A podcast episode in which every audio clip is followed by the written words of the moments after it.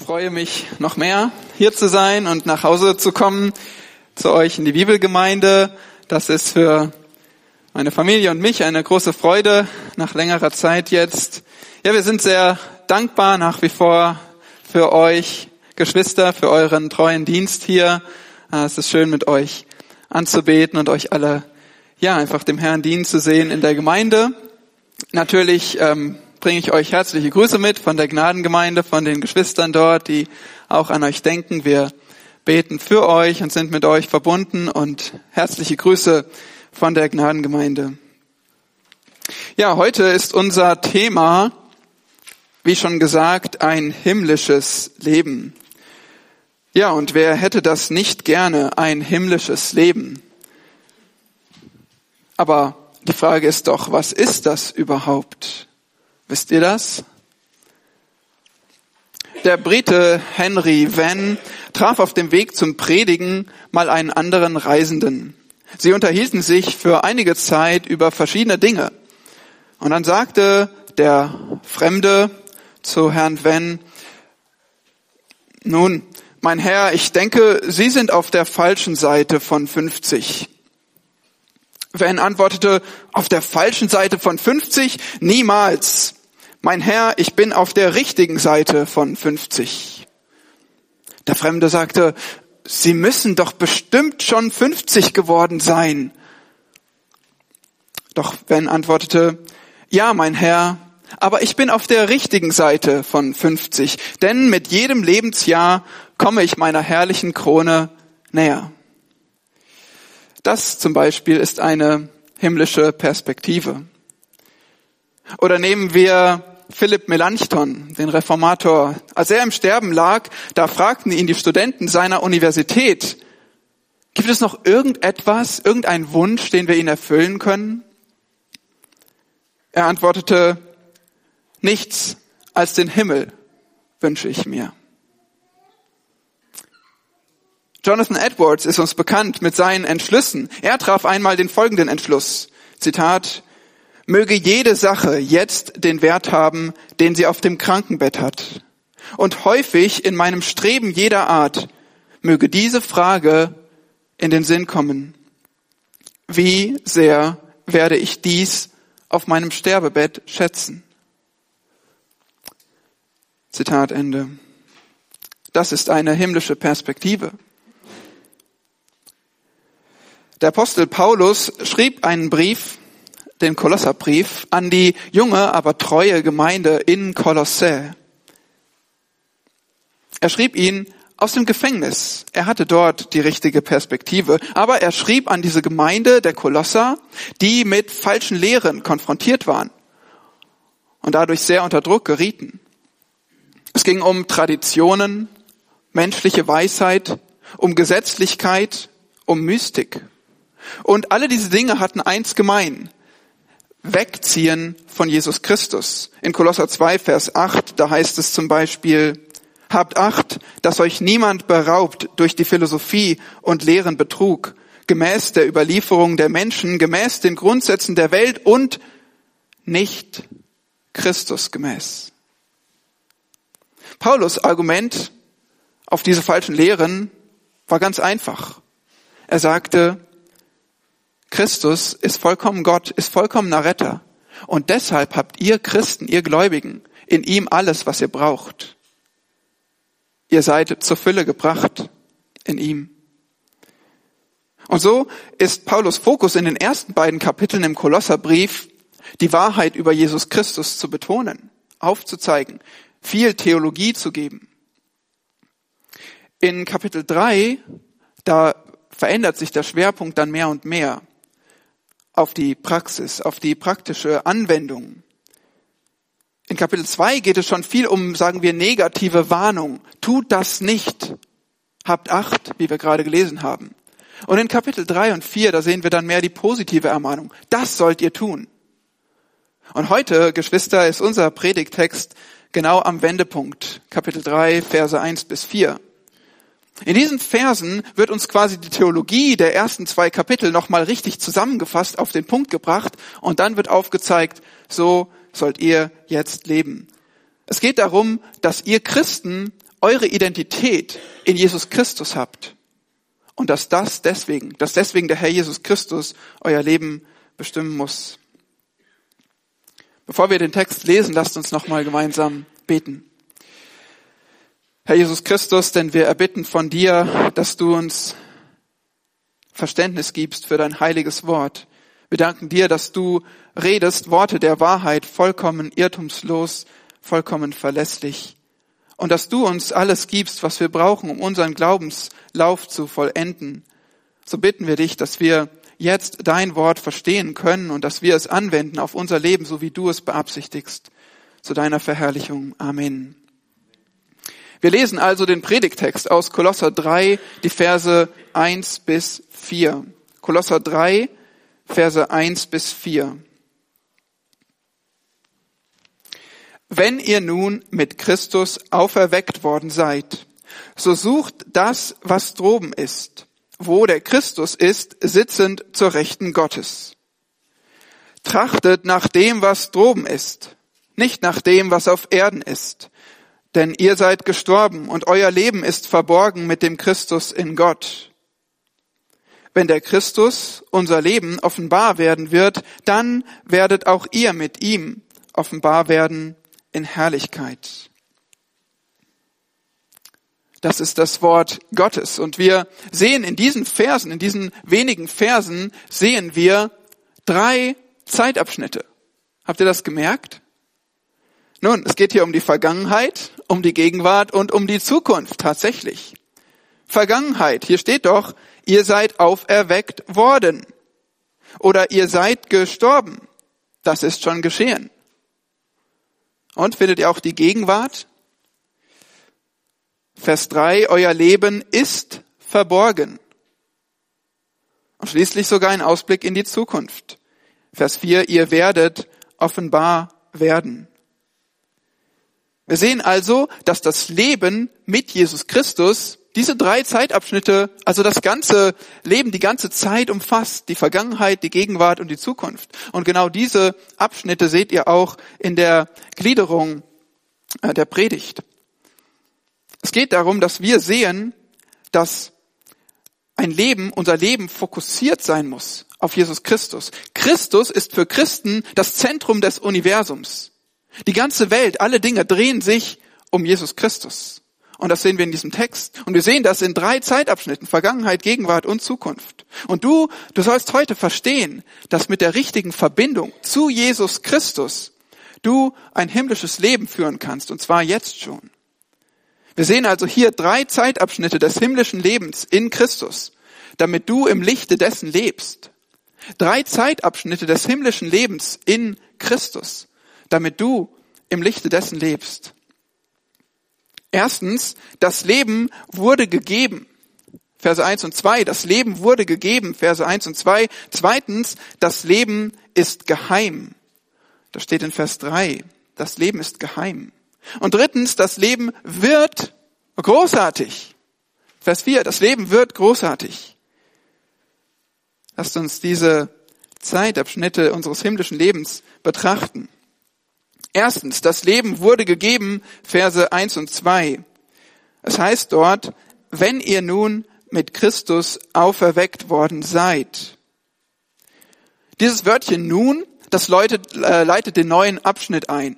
Ja, wenn ihr nun, es zeigt uns, und wir müssen ein bisschen zurückblicken, dass wir verstehen, was ist denn der Faden hier, den Paulus verfolgt. Ähm, das letzte Mal, dass er einen neuen Abschnitt begonnen hat, war in Kapitel 2, Vers 16. 2, Vers 16 bis 23, da warnt er entschieden vor den falschen Lehrern, die wegziehen wollen von Christus. Er sagt, sie versuchen euch zu verurteilen oder gar zu versklaven mit ihrer menschlichen Religion. Sie kommen mit Mystik, mit Gesetzlichkeit, sie kommen mit allerlei menschlichen Satzungen. Hütet euch davor. Das ist, was Paulus vorher sagte. Und direkt davor, Kapitel 2, Vers 9 bis 15, da zeigt er auf, warum ihr das alles nicht braucht. Warum braucht ihr die Religion der Menschen nicht? Warum braucht ihr menschliche Regeln nicht? Weil, Vers 10, ihr seid in Christus zur Fülle gebracht. Seht ihr, ihr habt nichts nötig, weil ihr in Christus schon alles habt. Wie wollt ihr denn zu alles etwas dazu addieren?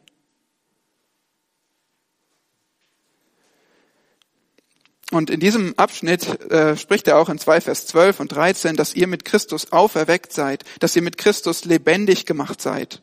Und so greift er nach diesem Argument, ihr seid in Christus, habt ihr alles, seid zur Fülle gebracht. Lasst euch deswegen nicht wegziehen von falscher Religion. Nach diesen Punkten sind wir hier in Kapitel 3, Vers 1. Und Paulus sagt, nun, wenn ihr also, wenn ihr jetzt, wenn ihr deshalb mit Christus auferweckt worden seid, versteht ihr, das ist der Faden hier. Und jetzt wollen wir uns diese Aussage natürlich anschauen. Ihr seid mit Christus auferweckt. Zuerst müssen wir bedenken, wer ist Christus? Er ist der Herr, der auferstanden ist. Jesus lebt. Halleluja, darauf basiert unser Glaube. Genau wie er sagte, ich bin die Auferstehung und das Leben. Er starb, aber er wurde auferweckt und er lebt ewig. Und diese Tatsache, sagt der Text, hat etwas mit uns zu tun. Ihr seid mit Christus auferweckt. Nicht nur er lebt, sondern ihr seid mit auferweckt. Ihr lebt auch. Versteht ihr das? Das sagt dieses Wörtchen mit aus. Wir dürfen teilhaben an seinem neuen Leben. Durch uns Christen fließt seine Auferstehungskraft. Vielleicht hast du aber auch an dieser Stelle ein paar Fragezeichen.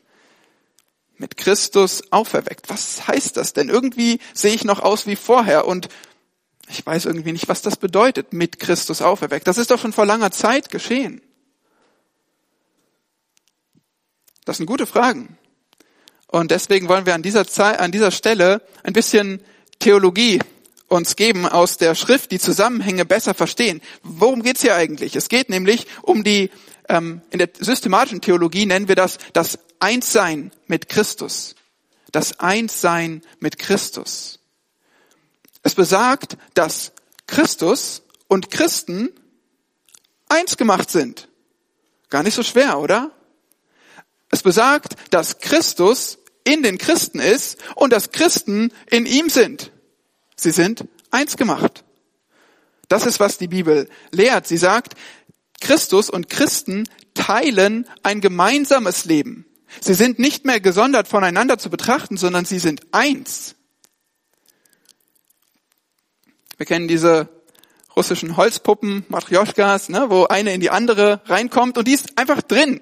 Die ist mit dabei. So können wir uns das ein bisschen vorstellen. Wir sind in Christus und andererseits er ist in uns. Es ist die innigste Beziehung, die man sich überhaupt vorstellen kann, oder? Wenn zwei miteinander völlig verbunden sind. Es gibt auch keine Religion, in der Gott und die Menschen eins sind. Das gibt es nur in der Schrift. Wir finden diese Lehre überall im Neuen Testament. Zum Beispiel Johannes 15, Vers 4. Jesus sagt, bleibt in mir und ich in euch. Oder derselbe Schreiber in 1. Johannes 4, Vers 13. Daran erkennen wir, dass wir in ihm bleiben und er in uns, dass er uns von seinem Geist gegeben hat. Im Kolosserbrief, da wimmelt es nur so davon. Von Christus, von in Christus, von mit Christus. Schaut nun mal in Kapitel 2. In Kapitel 2, da sehen wir zum Beispiel in Vers 6, in Christus, Vers 7, in ihm, Vers 9, in ihm, Vers 10, in ihm, Vers 11, in ihm, Vers 12, mit ihm. Wenn ihr Kolosserbrief lest, wenn ihr an diesem Punkt angekommen seid, dann könnt ihr das nicht übersehen haben. Es ist Paulus wichtig aufzuzeigen, ihr seid in Christus. Nun, es ist trotzdem noch irgendwie vielleicht schwierig, sich vorzustellen, wie geht das vonstatten? Was, wie kann ich das verstehen, in Christus zu sein? Ich verstehe, dass die Bibel das betont, aber wie muss ich mir das vorstellen? Die Bibel weiß Rat. Die Bibel versucht dir das zu erklären. Es gibt zahlreiche Bilder, die das veranschaulichen.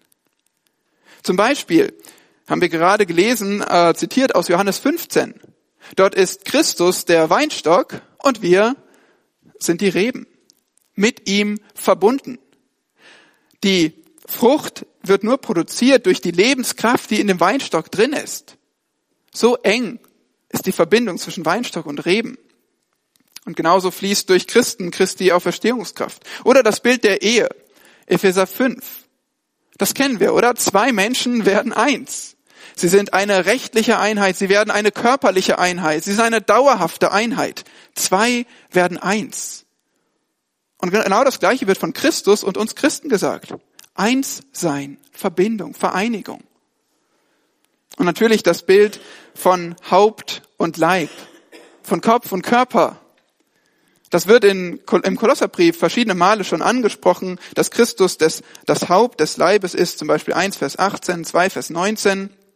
Und der Punkt ist, wo der Körper hingeht, da kommt das Haupt mit. Und was der Kopf sagt, das macht der Körper. Sie sind eine Einheit. Und genauso müssen wir uns Christus und uns Christen vorstellen. Eine solche Einheit, weil die Bibel zeigt es uns auf diese Weise. An dieser Stelle ist es sogar ziemlich erschreckend.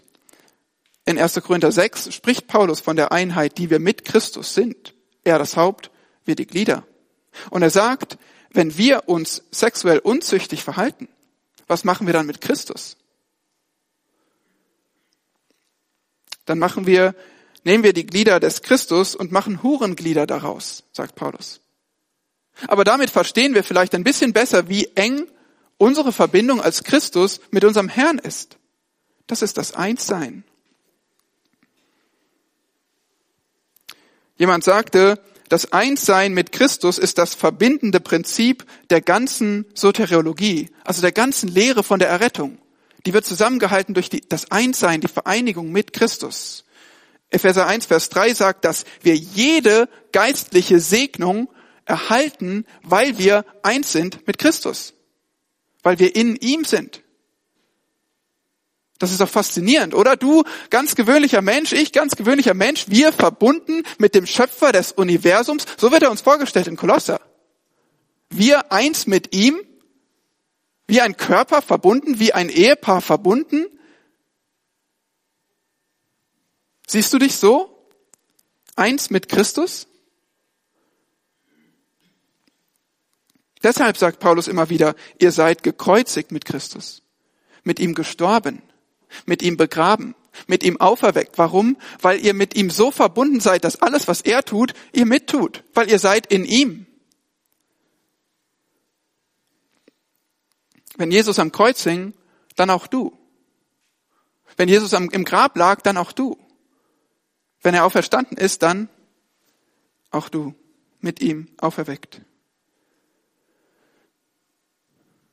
In Kapitel 2, Vers 20, da haben wir gerade sehen können, wenn ihr nun mit Christus den Grundsätzen der Welt gestorben seid, also fast die identische Formulierung. Da geht es darum, dass sie gestorben sind hier, die Kolosser, die Gläubigen. Tod für die alte Weltordnung, Tod für die Religion der Menschen. Die hat euch nichts mehr zu sagen. Ihr seid getrennt von der. Mit Christus, weil er gestorben ist. Und jetzt, 3 Vers 1, wenn ihr nun mit Christus auferweckt worden seid. Ihr habt ein neues Leben bekommen in Christus das, die Verbform hier ist passiv. Ihr seid auferweckt worden. Ihr habt das nicht selbst gemacht. Gott hat entschieden und in seiner großen Macht hat er euch auferweckt.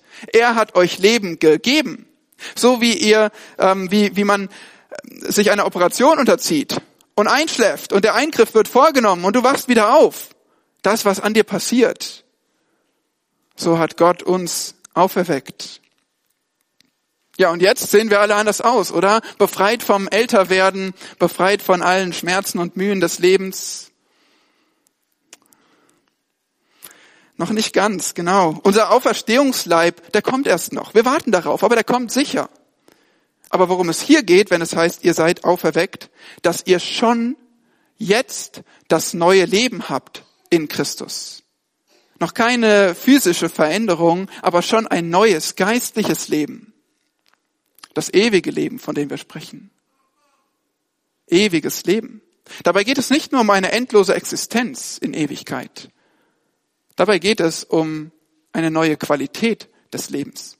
Dein Leben hat sich grundsätzlich verändert, wenn du auferweckt bist mit Christus.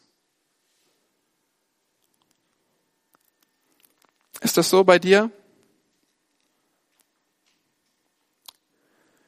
Und der Text sagt ja, wenn ihr nun mit Christus auferweckt worden seid. Man könnte auch übersetzen, da ihr auferweckt worden seid. Paulus erwartet, dass die Menschen, an denen er schreibt, die Gemeinde, dass die dazugehören, dass sie dieses geistliche Leben haben. Aber es ist auch nicht schlecht, das mit wenn wiederzugeben und aufzuzeigen, vielleicht nicht alle. Die, der Punkt ist, alles, was jetzt folgt in den nächsten Versen, basiert darauf, dass das wahr ist, wovon wir gerade gesprochen haben dass du und ich wirklich mit Christus auferweckt worden sind, dass wir wirklich dieses neue Leben haben. Deswegen ein, ein guter Punkt, um innezuhalten und zu fragen, bin ich eigentlich auch mit Christus auferweckt? Fließt seine Auferstehungskraft durch mich? Bin ich wirklich eins mit Christus? Und wir brauchen uns nichts vormachen. Diese Welt, diese Welt ist geprägt von Leid und von Schmerz, von Krankheit, nicht so sehr von Leben, vielmehr von Enttäuschung, von Sorgen. Vielmehr machen wir mit unserer Sünde diese Erde zu einem seufzenden Planet, der dem Verfall, der Nichtigkeit unterworfen ist. Und wir erleben das überall. Und wir sind mit daran beteiligt. Jeder Mensch ein Sünder, der Gottes Gebote verworfen hat, der gegen Gott rebelliert. Das sind wir von Natur aus. Von Natur aus sind wir nicht auferweckt mit Christus. Von Natur aus sind wir tot und brauchen Auferweckung. Wir brauchen dieses neue Leben. Hast du es? Weil davon hängt alles ab, worüber wir hier sprechen. Sonst ist es ein Text, der nicht über dich spricht. Und an dieser Stelle müssen wir das verstehen. Wir müssen erkennen, bin ich auferweckt in Christus? Habe ich mein Glauben, mein Vertrauen auf ihn gesetzt, Buße getan über meine Sünden? Bin ich umgekehrt zu ihm? Dann hat er auch dich auferweckt. Aber ansonsten bitte ich dich mit Christus, dass du jetzt umkehrst zu ihm, dass du dich erlösen lässt, dass du dich befreien lässt von deinem Tod, von deinem geistlichen Tod, dass du dich erlösen lässt. Denn das bietet er dir jetzt an. Er möchte uns himmlisches Leben geben.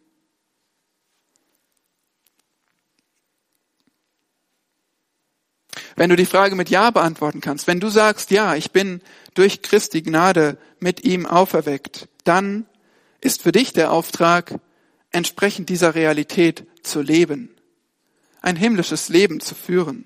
Und genau davon spricht der Rest dieser Verse eins bis zwei. der zeigt uns, wie wir leben. Und ihr würdet das jetzt gerne sehen, aber wir müssen uns noch gedulden. Wir machen das nämlich so, dass wir erst die Verse drei und vier betrachten, dass wir uns erst die zwei anderen Zeitabschnitte des himmlischen Lebens anschauen. Wir haben die Vergangenheit gesehen, wir schauen uns jetzt die Gegenwart und die Zukunft an. Und wenn wir das gemacht haben, dann kommen wir zurück zu diesen wunderbaren Versen und sehen, wie wir jetzt im Lichte dieser Wahrheiten leben sollen. Also, wir haben gesehen, der erste Zeitabschnitt des himmlischen Lebens ist, es wurde gegeben, das Leben wurde gegeben. Du bist in Vergangenheit, du bist auferweckt worden mit Christus. Der zweite Abschnitt ist, das Leben ist geheim. Das ist die gegenwärtige Phase. Vers drei: Denn ihr seid gestorben und euer Leben ist verborgen mit dem Christus in Gott. Der Anfang des Verses klingt wie Vers 1. Erst heißt es, ihr seid auferweckt worden, nun heißt es, ihr seid gestorben. Auch das ist bereits geschehen. Es ist ein Rückblick. Das Sterben kommt vor dem Auferstehen. Wir sehen das schon in Kapitel 2, Vers 12 und 20, dass ihr gestorben seid, dass ihr begraben wurdet mit Christus. Das geschah als in Christus, als er starb und als er unsere Sünde vergeben hat, als er uns befreit hat von der Macht der Sünde. Aber der Fokus in diesem Text ist das neue Leben. Ihr seid auferweckt worden. Deswegen beginnt es auch damit in Vers 1. Und jetzt heißt es in Vers 3, dieses neue Leben, das ist verborgen mit dem Christus in Gott. Das Verb verborgen im Griechischen ist kekryptai. Da steckt Kryptos, kryptisch drin. Das kennt ihr im Deutschen. Kryptisch. Etwas ist irgendwie nicht zu verstehen, nicht zu entschlüsseln, nicht so leicht. Vielleicht kennt ihr die Kryptowährung, die ähm, verschlüsselte, das verschlüsselte digitale Vermögen. Es geht darum, es ist etwas versteckt, verschlüsselt, verborgen. Jetzt ist die Frage, vor wem ist denn unser Leben verborgen? Für wen ist denn unser Leben kryptisch?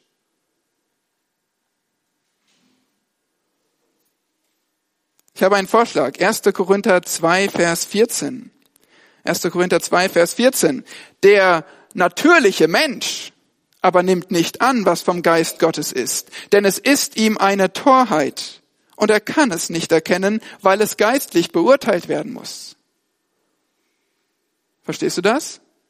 Der natürliche Mensch, jeder Mensch, der den Geist Gottes nicht hat, der denkt nicht geistlich. Nun, wie soll der nicht geistlich denkende Mensch dein geistliches Leben verstehen?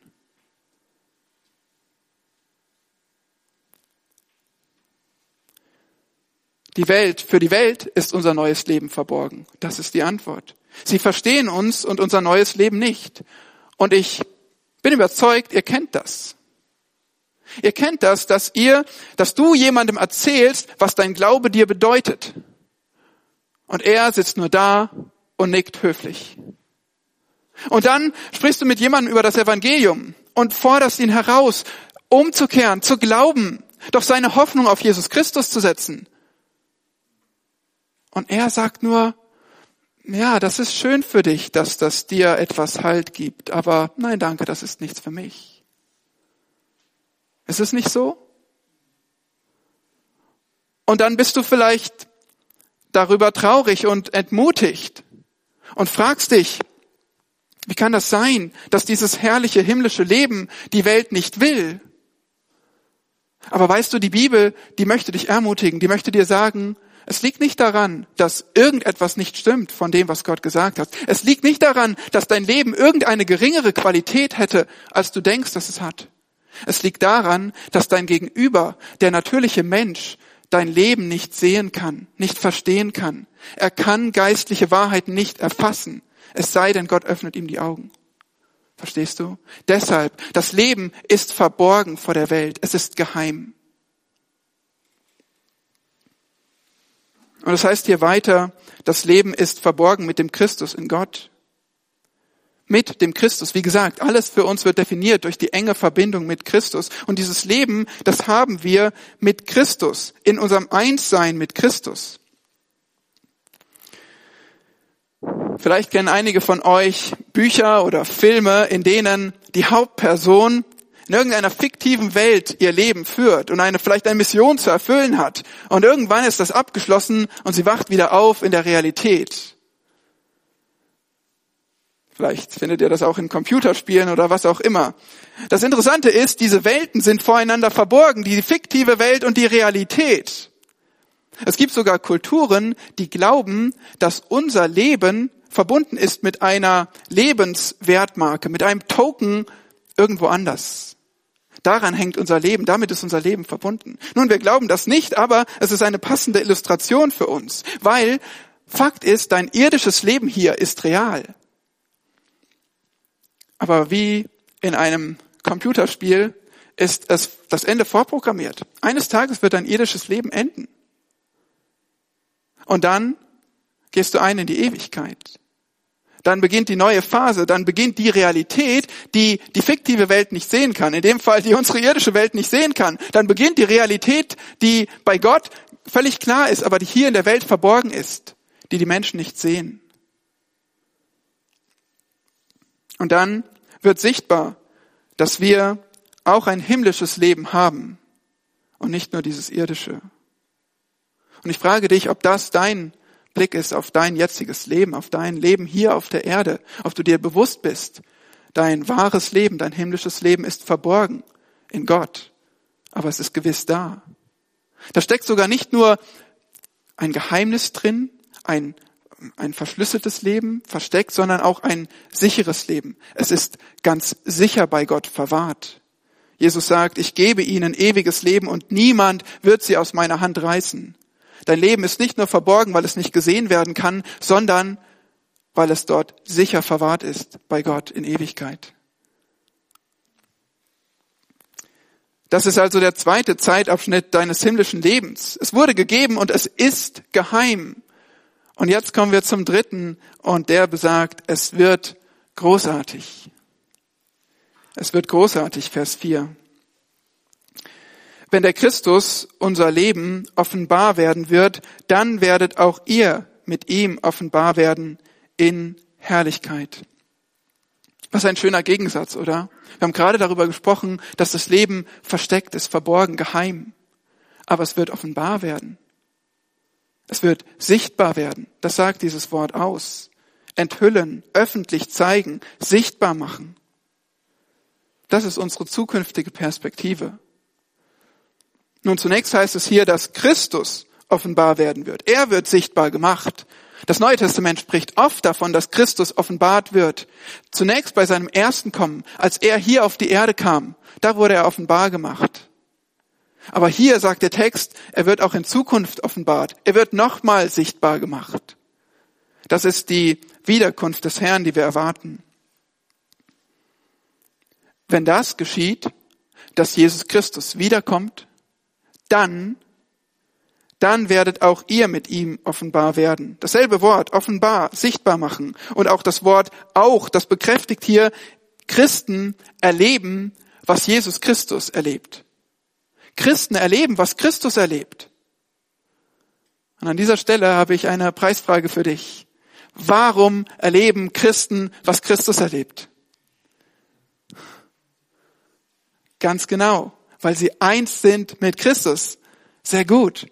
Deshalb erleben Christen, was Christus erlebt, weil sie sind ja eins mit ihm. Versteht ihr? Die Schrift lehrt das so klar und es ist so eine wunderbare Lehre unser Leben und Christi Leben, die sind verschmolzen, die sind eins. Hier wird sogar das extra betont, damit es wirklich jeder mitkriegt. Hier heißt es, wenn der Christus, Komma, unser Leben, Komma. Der Christus, der ist unser Leben. Unser Leben ist Christus. Er ist nicht nur der, der uns das Leben gibt, wie ein Geschenk. Hier hast du es. Und nun auf Wiedersehen. Oder du bist da drüben und ich bin hier. Ich hab's dir nur geschenkt. Nein, er gibt sich selbst. Er selbst ist das Leben. Wenn du sein himmlisches Leben empfängst, dann weil du ihn empfängst. Wir können uns das vorstellen, vielleicht wie das Baby im Bauch der Mutter, das von ihr ernährt wird, mit ihr zusammenhängt. Das Leben der Mutter ist die Basis für das Leben des Kindes, miteinander verbunden. Wir haben das Leben nur in Verbindung mit Christus. Und weil das so ist, müssen wir logischerweise auch unser Leben in Verbindung mit dem Christus sehen. Christus muss das Zentrum unseres Lebens sein. Nur eine kurze Anmerkung, falls ihr hier eine, ähm, zum Beispiel die Elberfelder oder Luther Übersetzung hat, da steht Christus euer Leben. In der Schlacht, da steht unser Leben. Ähm, es gibt für beide Möglichkeiten Argumente und es ist tatsächlich auch nicht so entscheidend für die Bedeutung des Textes, denn entweder Paulus sagt, Christus unser Leben von euch Kolossern und uns allen Gläubigen oder euer Leben, ihr Kolosser, um das zu betonen, Christus ist euer Leben.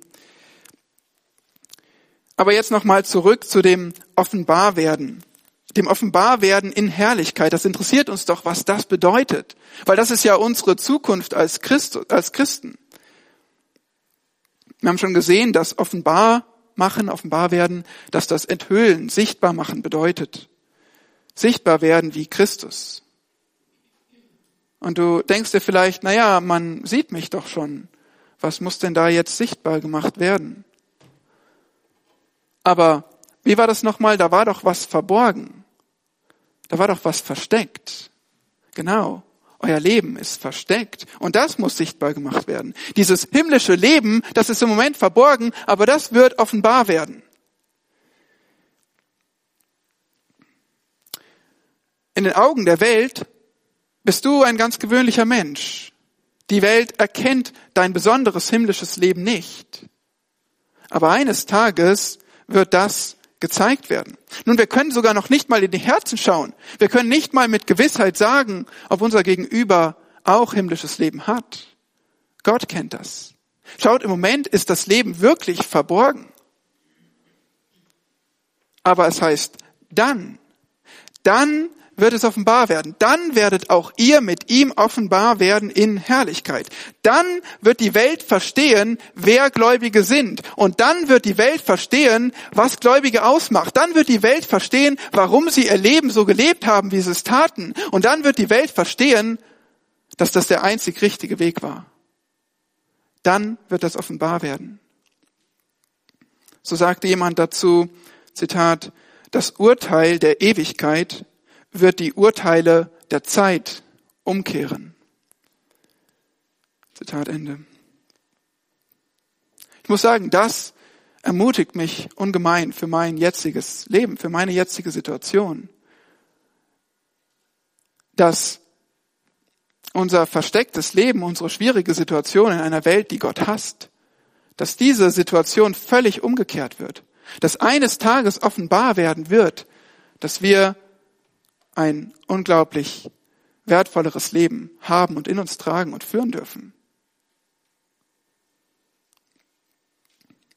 Es wird, wir werden offenbar werden in Herrlichkeit. Herrlichkeit, Glanz, Pracht, griechisch Doxei, wir kennen das von Doxologie. Dieser Glanz, diese Herrlichkeit, die gehört Gott allein. Gott ist herrlich. Christus ist herrlich. Er ist gerecht, mächtig, prächtig perfekt. So ist Christus. Aber Christus hat entschieden, dass Gläubige daran teilhaben werden, dass auch Gläubige an dieser Herrlichkeit, an diesem Glanz teilhaben dürfen. Und ich habe noch mal eine Frage für dich. Warum erleben Christen, was Christus erlebt? Warum dürfen Christen an demselben teilhaben, was Christus in seiner Person hat, diese Herrlichkeit? Sie sind eins, ganz richtig. Christen und Christus sind eins. Hier im Kolosserbrief heißt es sogar in Kapitel 1, Vers 27, Kolosser 1, Vers 27, Ihnen wollte Gott bekannt machen, was der Reichtum der Herrlichkeit dieses Geheimnisses unter den Heiden ist, nämlich Christus in euch, die Hoffnung der Herrlichkeit. Versteht ihr? Christus in euch. Das ist euer Garant, eure Garantie, eure Zuversicht auf Herrlichkeit. Ihr werdet an Herrlichkeit, an seinem Glanz teilhaben, weil Christus in euch ist.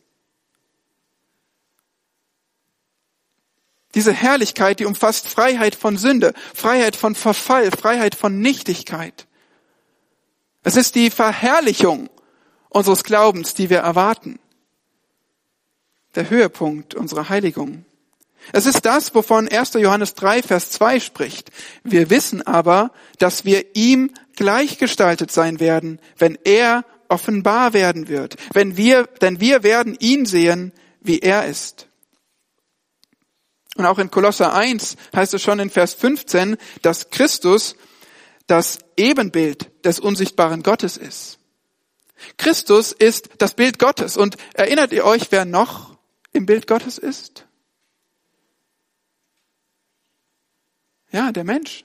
Der Mensch wurde im Bild Gottes geschaffen. Nur leider ist das Bild Gottes in uns sehr verzerrt durch die Sünde.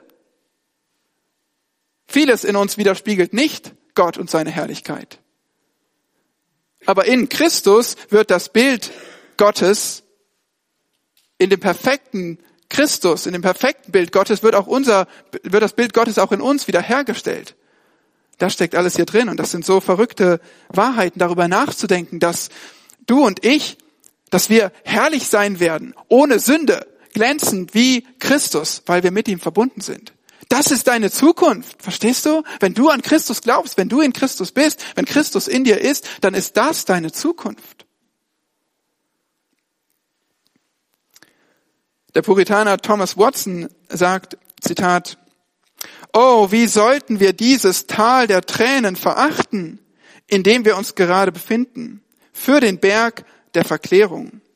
Wie sollten wir uns nach dem vollen Genuss Gottes im Paradies sehnen? Hätten wir einen Anblick dieses Landes der Verheißung, sollten wir Geduld brauchen, um damit zufrieden zu sein, hier noch einen Moment länger zu leben. Zitat Ende. Das ist eine Perspektive, das ist eine himmlische Perspektive, die wir jetzt brauchen für unser Leben auf der Erde. Ja, und so haben wir drei Zeitabschnitte des himmlischen Lebens in Christus gesehen. Erstens, das Leben wurde gegeben. In Vereinigung mit Christus sind wir auferweckt und haben jetzt das neue Leben. Zweitens, das Leben ist geheim, es ist versteckt und man kann es nicht sehen und deshalb versteht die Welt es auch nicht. Und drittens, das Leben wird großartig. Nach dem Leben auf der Erde kommt die Verherrlichung und dann werden wir sein wie Christus. Hast du dieses himmlische Leben? Bist du dir bewusst, was du für ein Leben hast? Wenn ja, dann ist deine Aufgabe jetzt, jetzt dein irdisches Leben mit himmlischer Ausrichtung zu leben. Jetzt schon entsprechend dieser Wahrheiten zu leben. Und dafür, ich habe es euch versprochen, sehen wir die inspirierte Anwendung in Kapitel 3, Vers 1 und 2 ähm, Vers 1 ab der zweiten Hälfte. Wir lesen nochmal den ganzen Vers. Wenn ihr nun mit Christus auferweckt worden seid, und jetzt kommt es, so sucht das, was droben ist, wo der Christus ist, sitzend zur Rechten Gottes. Trachtet nach dem, was droben ist, nicht nach dem, was auf Erden ist. Wo ist droben? Droben ist der Himmel. Explizit im Gegensatz zur Erde. Und wer ist dort? Es ist, ihr seht es im Text, dort ist der Christus. Sogar sitzen zur Rechten Gottes. Er ist schon jetzt erhöht. Er ist ja auferstanden und er wurde erhöht und er sitzt zur Rechten Gottes. Er hat sich hingesetzt, weil sein Werk vollendet ist, weil er nicht mehr wie ein Priester ständig sein Werk tun muss, sondern er hat es ein für alle Mal getan. Deswegen sitzt Christus gegenwärtig. Das zeigt uns, dass sein Werk vollendet ist. Und er sitzt zur Rechten Gottes. Das betont, dass er die Autorität hat. Die Person zur Rechten, die hat die Autorität. Mir ist gegeben alle Macht im Himmel und auf Erden. Und jetzt verstehen wir das, was droben ist. Droben ist also Gott, droben ist Gottes Gegenwart, droben ist seine Herrlichkeit. Und droben ist ein Umfeld, was von dieser Herrlichkeit und Heiligkeit Gottes geprägt ist. Weil Gott nicht nichts mit Bösem, mit Bosheit, mit Sünde gemein hat. Das ganze Umfeld Gottes, alles was droben ist, ist bestimmt von seinem herrlichen Charakter, von seinen Plänen, von seinen Absichten, von seinen Werten. Und so können wir verstehen, was dieser Aufruf besagt. Sucht das, was droben ist. Es bedeutet, dass du die herrliche Gemeinschaft mit Gott dass du seine Absichten, seine Ziele, dass du die genauso zu deinen machst. Suchen heißt danach zu streben, darauf hinzuarbeiten, alles zu geben, um entsprechend dieser Dinge droben zu leben. Und dann in Vers 2 ist das andere Verb trachtet. Das Trachten, da geht es um, um unser Denken, um ein Konzentrieren, ein Fokussieren. Wie eine Kompassnadel immer nach Norden ausgerichtet ist, so müssen wir unseren Fokus immer dahin gerichtet haben, was droben ist. Also zwei Aufforderungen hier. Sucht und trachtet. Sucht, strebt ganz praktisch danach und trachtet. Denkt dementsprechend. Das muss eure grundlegende Einstellung sein, damit ihr überhaupt nach dem, was droben ist, streben könnt. Es umfasst alles. Es umfasst deine Einstellung, dein Denken, es umfasst dein praktisches Leben, die Dinge, die du tust. Es ist so wichtig für dein christliches Leben, dass du das verstehst, dass du dein Leben danach ausrichtest. Es ist kein Ratschlag hier, es ist ein Befehl. So musst du dein himmlisches Leben führen. Wenn wir das ein bisschen mehr versuchen noch zu durchdenken und überlegen, ja, wie, wie mache ich das denn, danach zu trachten, was droben ist, mich darauf zu fokussieren, dementsprechend zu denken? Wie, wie soll mir das denn gelingen? Ich bin von so vielen Dingen abgelenkt in meinem Leben. Es ist so schwierig, den Fokus zu bewahren. dann denk doch mal darüber nach, dass du immer hungriger wirst jetzt. Dass du gerade Hunger hast und Abendessen möchtest, dass du dir vorstellst, wie wäre das, eine ofenfrische, köstlich duftende, knusprige Pizza vor dir zu haben, mit Käserand? Nein, du hast nicht wirklich an eine Pizza gedacht jetzt, oder? Kannst du etwa entscheiden, woran du denkst? Kannst du etwa dich auf etwas fokussieren? Oh ja, du kannst das. Wir können entscheiden, woran wir denken. Wir können entscheiden, wo unser Fokus drauf gerichtet ist. Du kannst entscheiden, nach was du trachtest. Du kannst auch entscheiden, nach dem zu trachten, was droben ist. Und es wird noch spannender. Wenn, wenn du nach, an etwas denkst, wenn du nach etwas trachtest, dann hat es einen Einfluss auf dein Verhalten. Wenn du jetzt immer noch bei der Pizza bist und nicht an die Predigt denkst, dann wirst du vielleicht gleich sogar losrennen und dir eine Pizza kaufen, weil du so sehr daran denkst und sie dir so sehr wünscht. Dein Denken, dein Fokus bestimmt sogar dein Verhalten, was du tust. Und genau darum geht es hier. Trachte, denke an das, was droben ist. Und dann suche, was droben ist, strebe danach, arbeite darauf hin. Das muss unsere Lebenseinstellung sein, wenn wir ein himmlisches Leben führen. Aber was heißt das jetzt wirklich praktisch, wenn ich herausgehe? Also himmlisch zu leben, himmlisch, ein himmlisches Denken zu haben. Also vielleicht fange ich damit an, meinen Blick hochzurichten, Richtung Himmel und wirklich an den Himmel zu denken. Wenn du so durch die Gegend läufst mit dem Blick nach oben, dann könntest du schneller in den Himmel kommen, als dir lieb ist. Und das ist tatsächlich nicht der Weg, den Gott vorgesehen hat. Nein, es geht natürlich um eine himmlische Perspektive unseres Denkens, wie wir unser Leben ausrichten, nichts Äußerliches.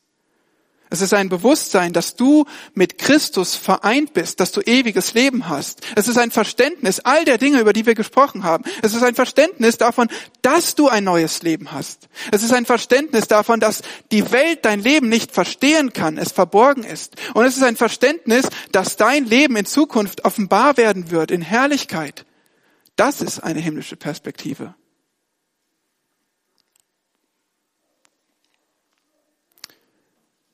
Wenn wir uns mit Gott beschäftigen, wenn wir uns mit dem Himmel beschäftigen, mit der Ewigkeit beschäftigen, dann wird das unsere Reaktion hier auf der Erde bestimmen. Und genau das soll es.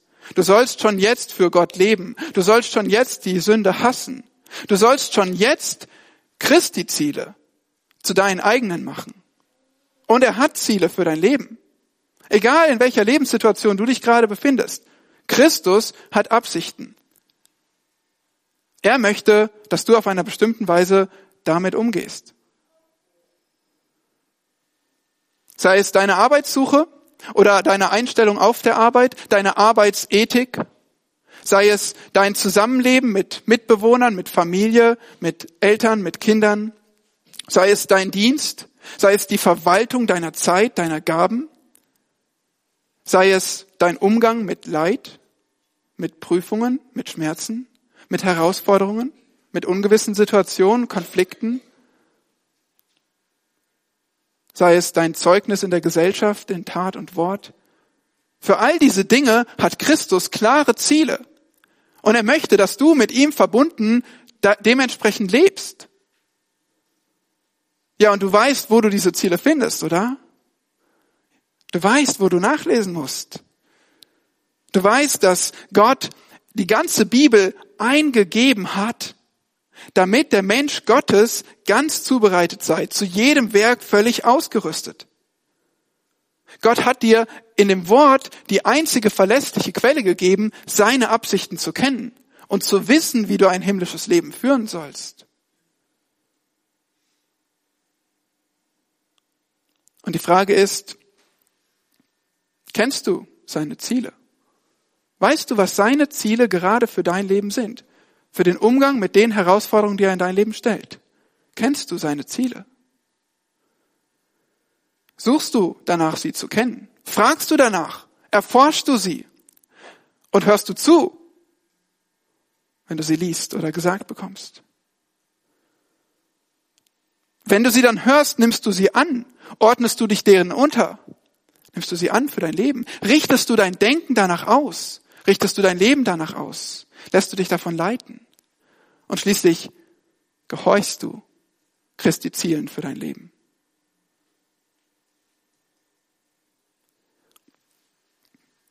Zum Abschluss möchte ich euch noch darauf hinweisen, dass es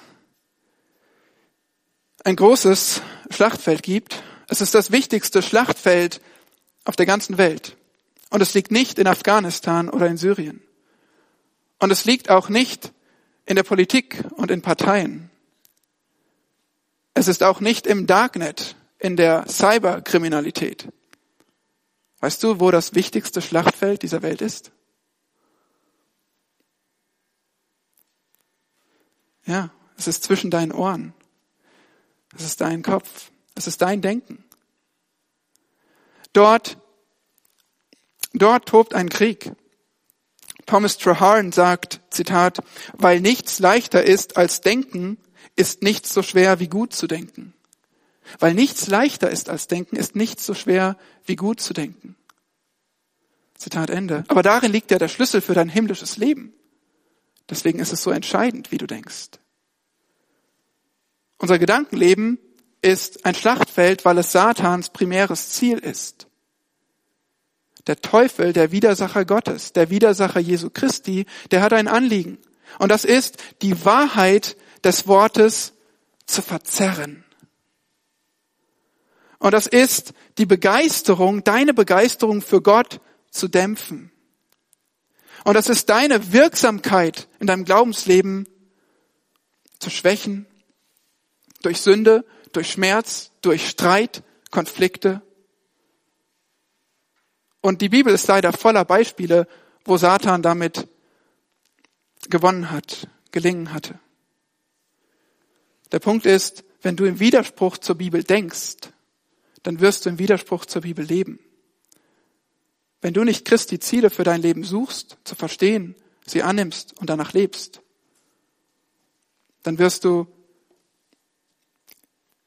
nicht zu seiner Ehre leben, mit dem du verbunden bist, mit dem du eins bist, sondern geschwächt sein in deiner Wirksamkeit, in deinem Glauben, in deiner Hingabe, in deiner Begeisterung für Gott. Und deshalb, deshalb haben wir heute so viel Wahrheit aus dem Kolosserbrief gelernt damit du eine Rüstung bekommst für dein Gedankenleben, für deine Ausrichtung, für deine himmlische Perspektive. Das ist deine Rüstung für das Schlachtfeld. Und deshalb haben wir zum Schluss jetzt auch diesen so wichtigen Aufruf gehört. Sucht das, was droben ist, wo der Christus ist, sitzend zur Rechten Gottes. Trachtet nach dem, was droben ist, nicht nach dem, was auf Erden ist. Amen. Herr Jesus Christus, wir sind überwältigt davon, dass wir als Gläubige mit dir verbunden sind, dass wir eins sein dürfen mit unserem Herrn. Danke, dass du uns zu neuem Leben auferweckt hast und wie, ja, wie sehr lassen wir uns oft beeinflussen von der gottlosen Welt um uns herum, von einem Weltsystem, einem Denken, was dir so fern ist und gegen dich rebelliert. Wie oft vergessen wir vielleicht, wer wir sind in dir und sind dadurch schwach, ausgebremst, stolpernd, strauchelnd, zweifelnd. Wie sehr lassen wir uns anstecken von der Welt, die unser himmlisches Leben nicht versteht. Wie sehr vergessen wir, was in Zukunft geschehen wird, dass wir teilhaben dürfen an deiner Herrlichkeit, an dem schönsten Ort, den man sich nur vorstellen kann. Herr, weil das wahr ist, weil du alles für uns gegeben hast, weil wir in dir zur Fülle gebracht sind. Deshalb bitten wir, dass du uns erneuerst und reinigst, dass wir suchen nach dem, was droben ist, dass wir danach trachten, unser ganzes Denken, unser ganzes Tun nach deinen Zielen, nach deinen Absichten ausrichten und so dir die Ehre bringen in der Zeit, die du uns anvertraust auf der Erde. Wir möchten dich lieben und verherrlichen, weil du es wert bist. Amen.